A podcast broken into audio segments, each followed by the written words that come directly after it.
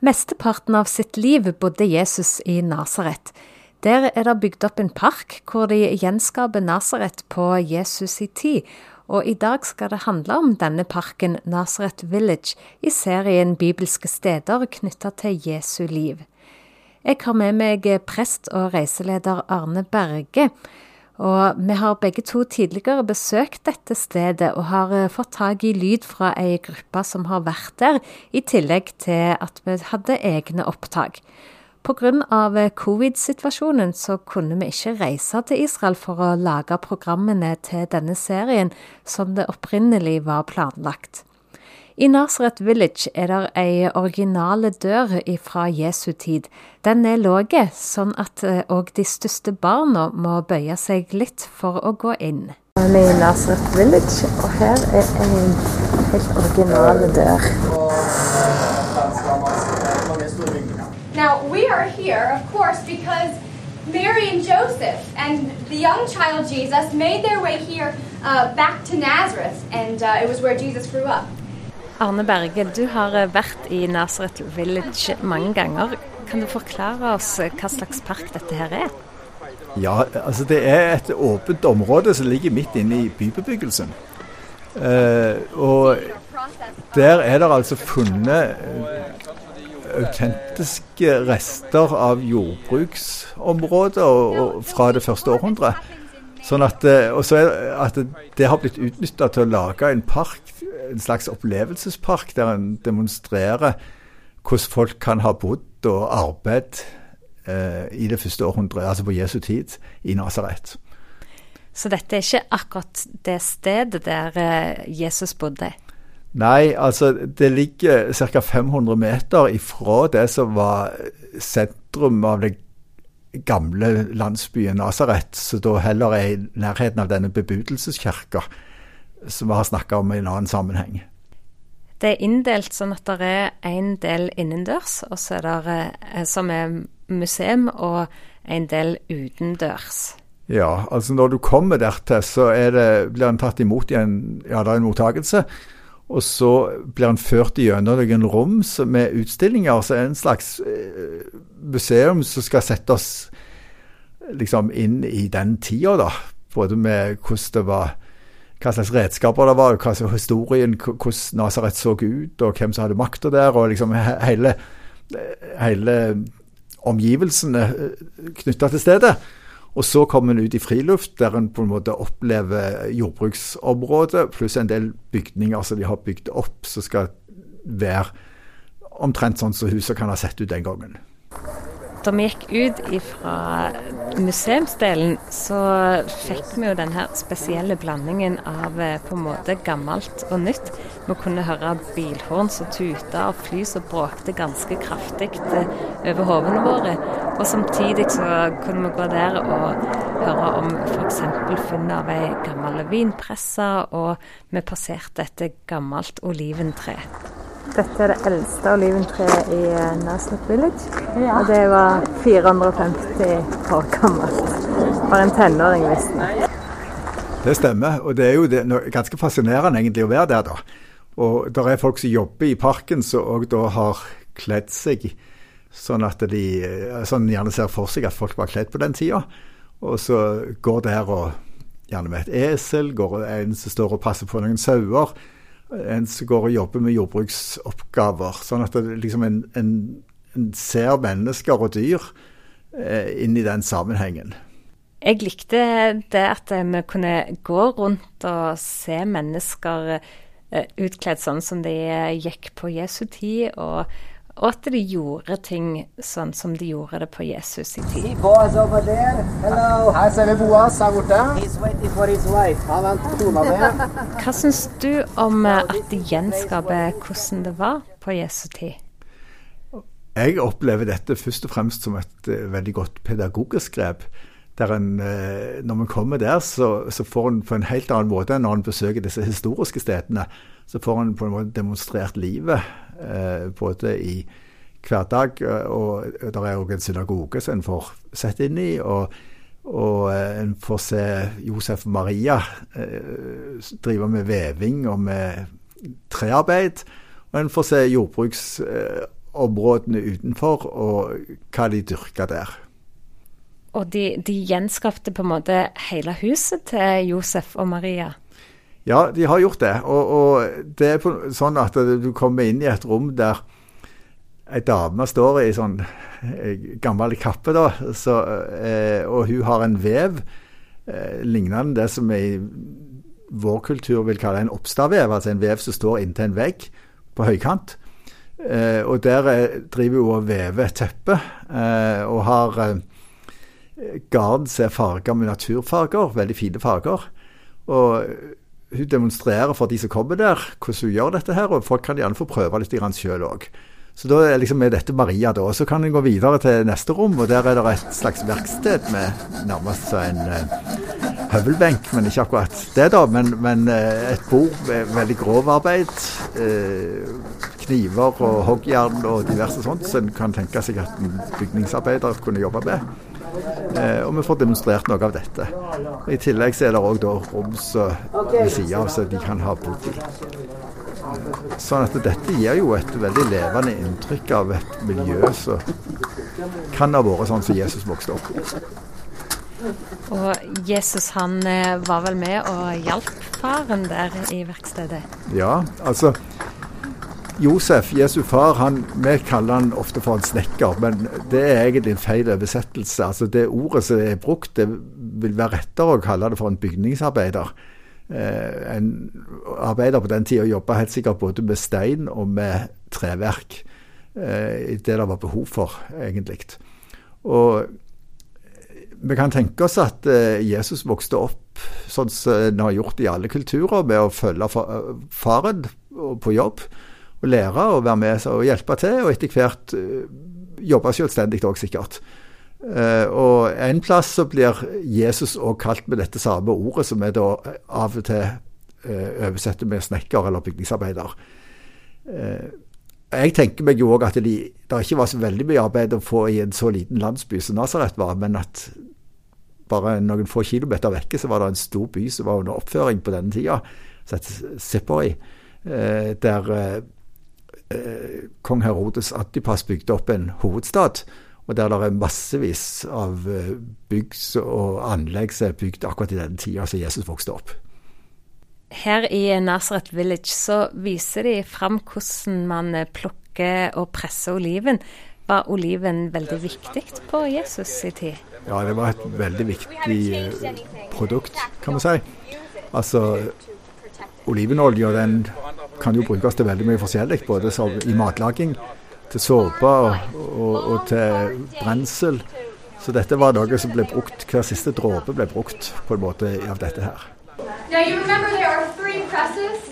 Tre uh, pressinger, det kjenner folk til. And the, and the first press is the most, it's very light. De har funnet ei autentisk eh, vinpresse der i Nasat Village. Ja, de har det, og det er vel kanskje det beste beviset på at dette faktisk er et område som, ble brukt til jordbruk i første århundre.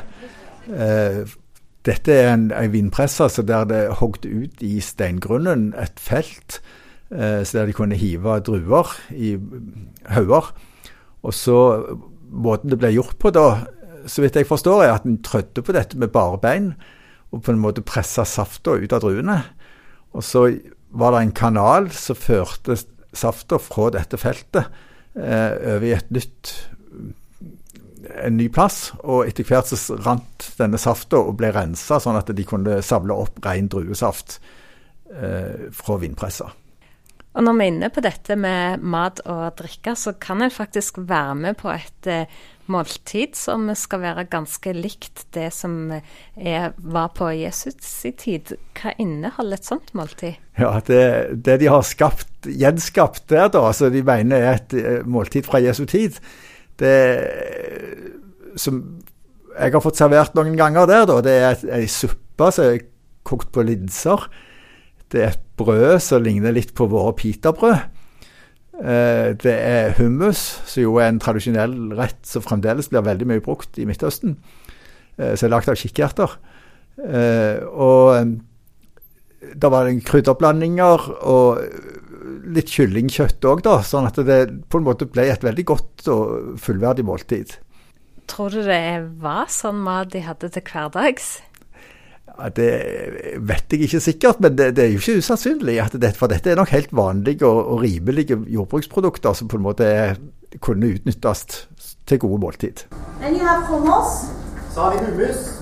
So the chickpeas, the beans that make it, were found in the first century. De er laga på samme måte som i første omgang. Så er det en eh, synagoge eh, som de òg har bygd opp i Nazareth Village. Hvordan er den? Ja, den er altså Det er jo ingen originale synagoger som står igjen fra det første århundret som bygninger. Det er bare liksom utgravninger av dem. Men her har de da bygd eh, et hus. altså Der er vegger og tak og benker langs kantene og sånt. Eh, og når en går inn der, så, så fokuserer de på en annen tekst fra Nasaret, nemlig når Jesus som voksen kom tilbake til Nasaret, og folket der ville høre hva det var han forkynte og gjorde. Og han hadde i en synagogegudstjeneste så leste han teksten fra profeten Jesaja, der han tolka den direkte om seg sjøl. Og det blir veldig gjerne kalt for Jesus sin programtale. Og Den førte først til at de ble veldig nysgjerrige på hvem han var, men etter hvert så ble de også provoserte og faktisk jakta han ut av byen. Han åpnet bokrullen og fant stedet der det står skrevet. Herrens ånd er over meg, for han har salvet meg til å forkynne et godt budskap for fattige. Så rullet han bokrullen sammen, rakte den til synagogeforstanderen og satte seg. Alle i synagogen stirret spent på ham. Han begynte da med å si I dag er dette skriftstedet blitt oppfylt, mens dere hørte på.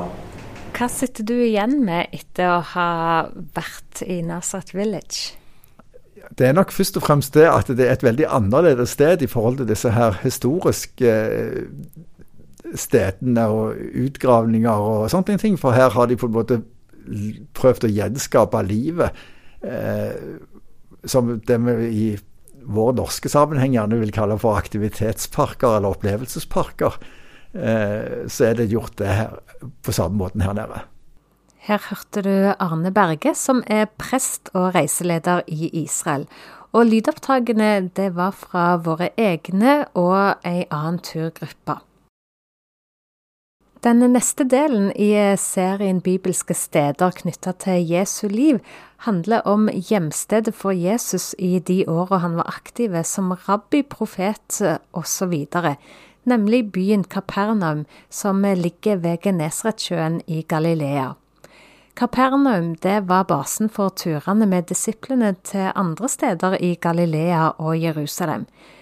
Det bor ingen i Kapernaum i dag, men det finnes mange utgravninger og ruiner av både synagoger og hus der.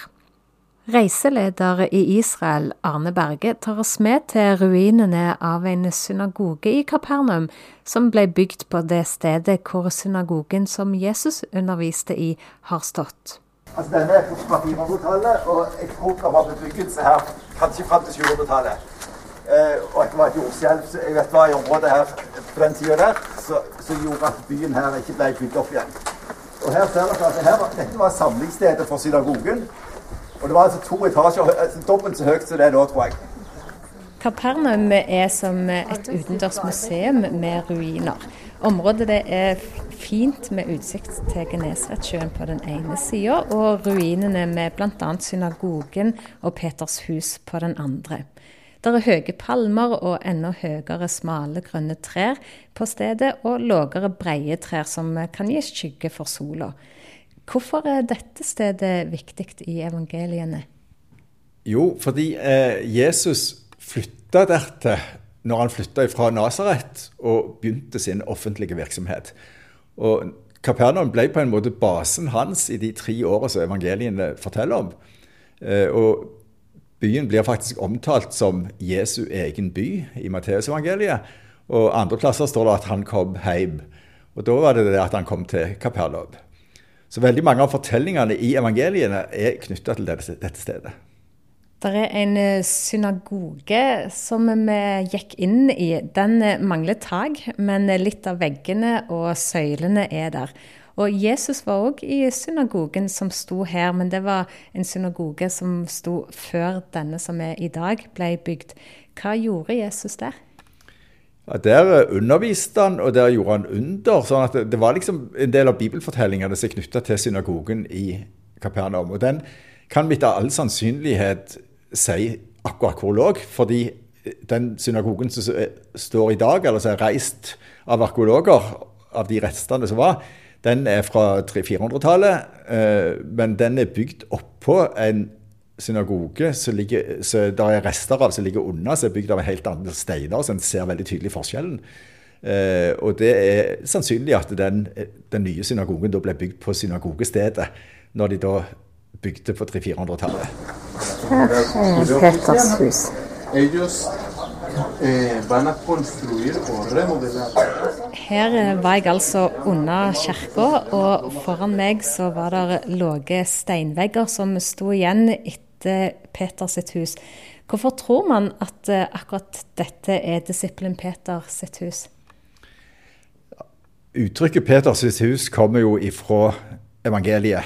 At det står at Jesus gikk hjem til Peter, bl.a. helbreda svigermora hans der. Eh, og det er nokså sannsynlig at når da, når da Jesus bosatte seg i Kapernaum, og Peter dette var blitt disippel, så at dette ble basen til Jesus, og at han bodde der når han var i Kapernaum.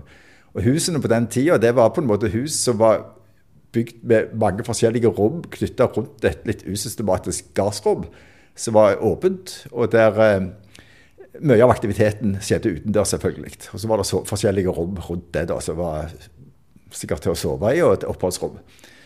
Eh, men så er det da en historie knytta til akkurat dette huset. og det er det at de, der er det Under denne kirka er det funnet et rom som var relativt stort i tilknytning til et sånn et gassrom. Eh, og det rommet var blitt eh, dekorert på veggene veldig tidlig, faktisk i det første århundret. Med ting som var knytta til Jesus. Eh, og det rommet har siden Altså, det har blitt holdt hellig, tydeligvis. Og det har blitt sentrum i ei huskirke første, etter kanskje tredje, fjerde århundre. Eh, Og fra 300-tallet så er det en pilegrimsberetning av ei dame som kom til Kapernaum og forteller om at det var ei kirke som var apostelen Peters hus, der de kristne samla seg. Og så ble faktisk dette samme rommet da enda en gang utvida på 100 år etterpå ca.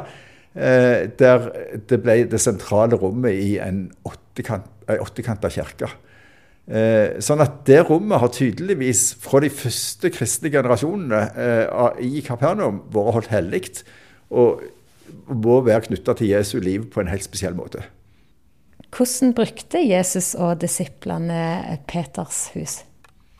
Nei, altså, jeg, jeg, Det vet vi jo ikke egentlig, men, men jeg tenker meg at det, han bodde der, og kanskje flere av disiplene òg, at det ble en base for dem. Og at um, de sa altså, at mange ganger når Jesus uh, snakket, talte, møtte mennesker, at det kanskje har skjedd der. Enten i gardsrommet som var åpent midt i huset, eller i et av rommene. Så virker det som at eh, Jesus gjorde mange helbredelser i Kapernaum. Bl.a. en lam mann som fikk førligheten tilbake etter at vennene firte han ned gjennom et tak som de demonterte. Hvorfor gjorde han så mange helbredelser eh, der? Jeg tror det har sammenheng med at han var mye i Kapernaum, og derfor at mye av det som er fortalt i evangeliene, er knytta til denne byen. Eh, den fortellinga om når de firte den lamme mannen ned fra gjennom taket, og det er jo en fortelling om at nettopp Jesus hadde samla mye folk i et rom. Folk sto utenfor døra òg og hørte på, og dermed så var det umulig å komme inn i rommet eh, for disse vennene som bar på denne lamme mannen. Og Det kan jo for så vidt tenkes at det er nettopp dette rommet jeg snakker om i Peters hus, så dette skjedde. Jesus han vokste opp i Nasaret, eh, som òg er i Galilea, men hadde altså Kapernaum som base, som du sa her, når han var voksen. Hvorfor, hvorfor flytta han eh, dertil? Kanskje det var en løsrivingsprosess? Jeg vet ikke. Altså, Han ble jo avvist i Nasaret, står det òg. Eh, og han begynte en offentlig virksomhet og hadde kanskje behov for å starte en ny plass. Eh, nå var Kapernaum et sted med mye mer liv og røre og bevegelse og mennesker enn Nasaret. Så det var ikke et godt utgangspunkt. Lå, byen lå, ligger rett ved ei grense på den tida der, sånn at det var en tollstasjon. Vi vet at tolleren Levi, som ble en av disiplene, eh, var toller i Kapernaum. Eh, det var en militærleir òg av den grunn. Eh, sånn at Vi leser òg i evangeliet om en offiser fra Kapernaum. Eh, det var en synagoge. Eh, det var det nok ikke i Nasaret, eller det, det, var det vel gjerne, men mye mindre. Eh, sånn at i det hele tatt så var det eh, mye som skjedde der, og et godt utgangspunkt for Jesus' sin virksomhet. Hva liker du best å gjøre, eller hva gjør mest inntrykk på deg når du er i Kapernaum? Ja, Det er jo på en måte å eh, se på disse her to stedene vi nå har snakka om, denne synagogen òg gjerne, og tenke på en del av det som skjedde der, og Jesu taler der. Faktisk er det sånn at det der står, og det er sånn som få legger merke til når en leser bibelteksten, at ting blir lokalisert direkte til den eh, synagogen. F.eks. når Jesus snakker etter brødunderet om at han er livets brød, så står det på slutten av teksten at dette skjedde mens han talte i synagogen i Kapernaum.